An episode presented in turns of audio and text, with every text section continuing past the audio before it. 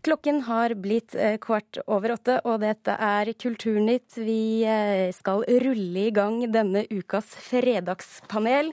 Og jeg skal få ønske velkommen til Audun Molde, musikkvider og førstelektor ved Westerdals. Inger Merete Hobbelstad, kommentator og kritiker i Dagbladet. Og Katrine Sandnes, leder av tankesmia Manifest. Helt først i dag så begynner vi med litt musikk.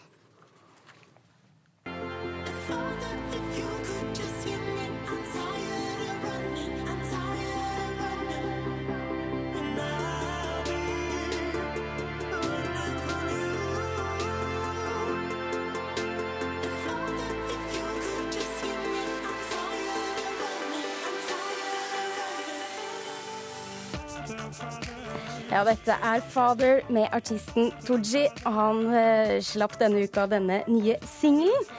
Og i um, en musikkvideo så spilte han rett og slett inn en sexscene i kirken foran alteret. Uh, og det har fått blandede mottagelser. Så spørs, første spørsmål i dag det blir var det riktig av Tooji å spille inn en sexscene foran alteret? Begynner med deg, Inger Merete Hobbelstad. Ja, det syns jeg. Nei. Ja Vet du ikke. Og det var vanskelig. Det, det, det, må du få begynne med, Trine Sandnes. Jeg er jo egentlig en litt sånn viktoriansk snerpe som, eh, som tenker, at, tenker, at, man skal ha respekt for ulike menneskers religion. Og, og jeg har reagert på, på, ting man har gjort med, mot muslimer. Jeg har reagert på ting man gjør med, med, mot kristne. Og det er sannsynligvis fordi det å tro er så fremmed for meg at jeg tenkte at dette skjønner jeg ingenting av, så det må man ha respekt for. Og Samtidig så har jeg veldig stor forståelse for, eh, for at eh, det fortsatt finnes et sterkt behov for å, for å ta, et, ta, et, oppgjør med Kirkens holdning til, homofil, til homofile. Og så tenker jeg også at det at vi endelig får en offentlig muslimsk homofil, det er, nesten, det er så viktig at det nesten trumfer, trumfer alt annet. Du er enig, Inger Merete Holmstad? Eh, ja, jeg er jo enig selvfølgelig i deler av dette. Men altså, jeg skjønner at dette er noe som blir omstridt. Og det er jo klart, altså provokasjoner er jo De sårer jo, de rammer jo mange. Det er jo litt deres natur. Eh, men det er forskjell på provokasjoner. Det er noen provokasjoner som er der bare at man gjør ting som noen syns er ubehagelige, bare for å på en måte gjøre det. For å liksom kave opp disse liksom, vonde følelsene knyttet til det. Og så er det noen provokasjoner som har et bestemt innhold, da, som også åpenbart kan være til hjelp for noen. Og her er det jo det at man kombinerer kirkerommet og en religiøs estetikk med da uh, homofil seksualitet. Ikke bare kjærlighet, ikke bare følelser, men virkelig sex. ikke sant? Og det er jo nettopp den komboen som mange homofile har fått beskjed om ikke går. ikke sant? Det være seg i forhold til kristendommen eller det være seg i forhold til uh, islam. Så her er det jo på en måte en seksuell provokasjon med et veldig tydelig innhold, og som jeg tror kan være godt for mange å få se. Ja, Tooji har tydeligvis tenkt igjennom hva han gjør. Edun Modell. Ja, selvfølgelig. Det er et veldig bra gjennomtenkt PR-stunt. Men når jeg så den videoen, så tenkte jeg at det går litt i ball for gode, velmenende Tooji når han skal prøve å løfte seg selv opp til å ha moralsk pekefinger på vegne av alle jordens undertrykte. Eh, og hvis dette nå er provoserende på noe vis Jeg blir bare blitt provosert av hvor banalt eh, det er, den videoen. Slow motion, svart-hvitt, eh, løftet pekefinger. Det blir ikke stor kunst av det, altså. Dette har andre gjort mye bedre for 20-30 år siden. Madonna, Madonna, Prince, mange andre. Mm. Og, og, jeg tenker at det er også kanskje ironisk nok litt fordomsfullt overfor mange homofile. Jeg har ingen homofile venner som har lyst til å sexe i en kirke med 100 tilskuere. Ingen heterofile venner som vil det heller, for den saks skyld. Og man skal være litt, litt sånn nøye med hvem man velger å tråkke på. Eh, Kirken har jo tross alt gjort ganske mye for å bedre homofiles eh, rettigheter, Har forandra seg veldig mye de siste 30 årene. Uh, og hvis, hvis Torje har vært ute etter å provosere, så skulle han selvfølgelig gjort dette her i en moské. Ja for han har jo åpenbart lykkes i å få mye oppmerksomhet rundt dette. Men er det, er det kun det han har klart? Eh, altså, det, jeg tenker at Det er helt klart en ekshibisjonistisk side ved dette stuntet. Men altså, her står vi fire personer i mediebransjen og påtrykker meningen vår på alle andre. Så ekshibisjonisme kan jo være på en måte mange steder. Og forhåpentlig på en måte vurderes vi også i forhold til innholdet av det vi gjør, og ikke hele sånn, det sammensatte uh, gemyttet bak det. Så jeg tenker at det er mange sånne ting som, har, som har, er knyttet til at personen som gjør det, også gjerne vil ha litt oppmerksomhet på det og har ting å lansere. Vi profilere seg selv osv. Men det tar ikke noe vekk fra at som sagt, dette med at denne kombinasjonen er, er fremdeles omstridt for mange. Det er mange som får brukt nettopp religionen slått i bordet som en slags begrensning på hva de kan være. Og så kan på en måte estetikken være etter noen smak eller ikke smak, men jeg syns da innholdet i dette er uh, interessant. Og ikke fordi, det, fordi det liksom, at de som da reagerer på dette, må på en måte også forklare hvorfor de gjør det. altså Det tvinger en på en måte til å artikulere hva det faktisk er man mener ikke hører hjemme sammen med det kirkelige, og det kan det bli interessante debatter av. Og det har det helt klart eh, blitt. Vi ruller videre. For eh, denne uka så har vi snakket en del om norske kommuners egne slagord. Hobøl på kartet, Giveland et godt sted å bo. Vi er Odalen er eksempel på dette. Reklamemannen Ingebrigt Sten Jensen sa her i Kulturnytt at det er fornuftig bruk av tid og penger for en kommune å finne ut hvor de vil og hvor de skal. Er det fornuftig, Eivind Molde? Nei. Nei. Nei. Hvorfor? altså, Jeg er jo Stabæk-supporter, så jeg er jo enig med Ingebrigt i alltid uansett. Da, det må jeg jo si, Men ellers syns jeg at det han sier her er ganske på jorda. Fordi at uh, en kommune er ikke en bedrift, det er ikke en virksomhet. En kommune er et geografisk område, en administrativ enhet. Og, og selv så gjorde jeg en stor tabbe for noen år siden da jeg flytta fra Mulighetenes kommune. Tenk alle mulighetene gikk glipp av.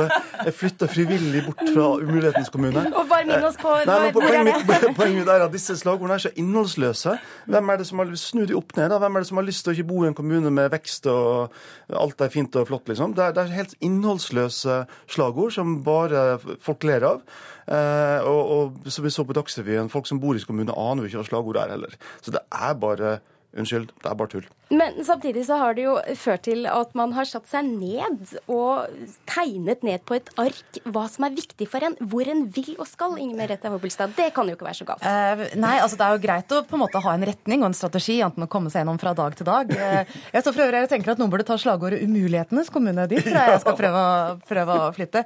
Men jeg er jo helt enig med siste taler her. Altså Dette er jo ord som i praksis har ingen betydning. Altså Vekst, mangfold, det kan bety absolutt hva som helst. Eh, så det er jo ikke noe som på en måte vitner om noen sterk karakter eller liksom noe, noe særprega på noen måte. Og ikke minst kan det brukes faktisk som hersketeknikker. Altså Hvis dette er retninger man liksom kan samle folk om, så er det svært uklart hva det betyr. Og dermed kan man også på en måte bruke det mot folk hvis de ikke gjør noe eller gjør noe om at de ikke lever opp til dette slagordet. Og det, ja, det kan misbrukes på mange måter også. Og jeg så på slagordet til Kvinesdal kommune her. Det er 'vakker, vennlig og vågal'. Det kan vi jo gi til Tooji. Katrine Stavnes, hvorfor er du enig her? Det er, jo, det er, jo, virkelig bare tull. Men altså, det som kan ha noe for seg, som, eh, som, jeg har vært inne på, det er prosess.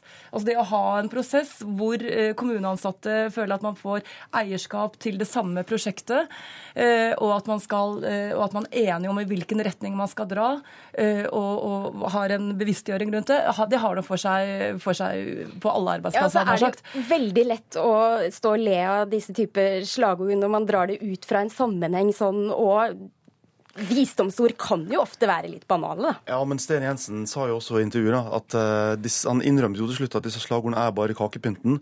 Men poenget mitt er at de i seg selv skaper ingen kakepynt. De, de blir bare dumme.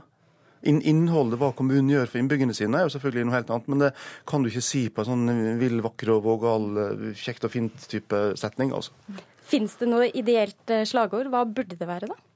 Det burde i hvert fall noe, være noe som vitner om et visst særpreg. For det for å også liksom være enig med Katrine her, det er jo at altså fellesskap må man jo bygge. ikke sant? Man må jo skape felles referanser og prosjekter som folk kan slutte sammen om. Det kommer ofte ikke helt av seg selv.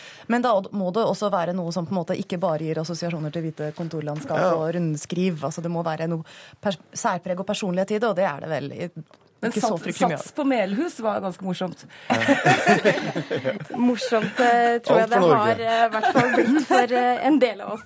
Vi skal videre og snakke litt om kunst. For mange gallerier de skremmer bort publikum med omtalen av utstillingene sine.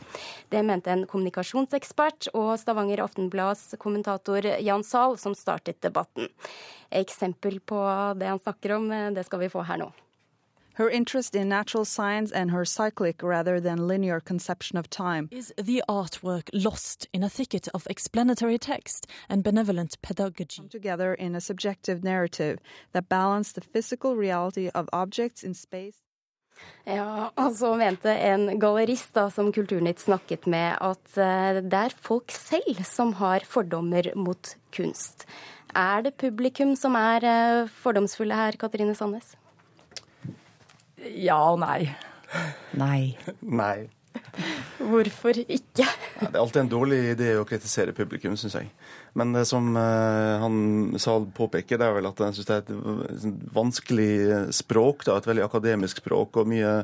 Men altså, husk at det, det er to ting her. Det ene er at veldig mange moderne kunstobjekter i seg selv er jo ganske enkle, og en del av kunstverket er språket man legger det inn i. Altså Måten man snakker om kunsten på, og den konteksten som man legger det inn i, er en del av verket selv. Men så for det andre så har du jo på en måte markedsføringen av det, eller måten å nå fram til publikum, som bør være en helt annen type språk. Jeg tror det blandes litt sammen her. Katrine Sandnes, fikk du noe ut av dette eksempelet som vi hørte her, da? Ja, Jeg har jo jobbet med sånne ting som dette i mange år. Jeg syns ikke det var så veldig vanskelig. Men, eh, men jeg er jo også enig i at det er jo utrolig mye tøys som skrives. Men, eh, men jeg syns at kritikken altså av samtidskunst som en helhet blir altfor vid til å egentlig bli treffsikker. Det fins uh, tøysete, jålete samtidskunst, og det fins uh, veldig, veldig god samtidskunst. Og de er, uh, det er et så enormt stort spenn innenfor, eh, innenfor samtidskunsten at det blir jo det blir som helt meningsløst. Det blir som å snakke om, eh, snakke om popmusikk, liksom. Og jeg, jeg for min del synes det var veldig deilig å lese Sahls uh, tekst. Han satte ord på en følelse jeg selv har hatt uh, mange ganger. Altså Det at du står der med en tekst og et kunstverk, og du, du vet ikke hvor du skal begynne å assosiere engang. Altså, jeg vet ikke hva, hva er det meningen Jeg får ingen ideer eller tanker eller farger eller følelser. Det er litt sånn inni meg. slagordene. Det er Eh, Nei, jeg har sånn. opplevd, jo, jo, men jeg, jeg, får, altså, jeg har hatt mange opplevelser. opplevd dette. Altså, selvfølgelig ikke, og Det er også litt av problemet med teksten hans. er at altså, Han favner jo for vidt. Det er en for stor sekk. For du har kunstnere for f.eks. Matthew Barney eller Richard Prince, altså, som har, ikke sant, hvor man får veldig mange ideer og tanker av å se på det, hvor de refererer til noe utenfor seg selv. Men jeg deler nok opplevelsen av at det er en ganske stor del av samfunnskunsten som har blitt veldig intertekstuell. Dvs. Si at den først og fremst på en måte refererer til seg selv og til kunstdiskusjonen. Og at det som på en måte er frem, fremheves som essensen i det, er liksom hvordan det kommenterer kunst som sådan, og hvordan en kunstnerisk effekt eh, kommer frem.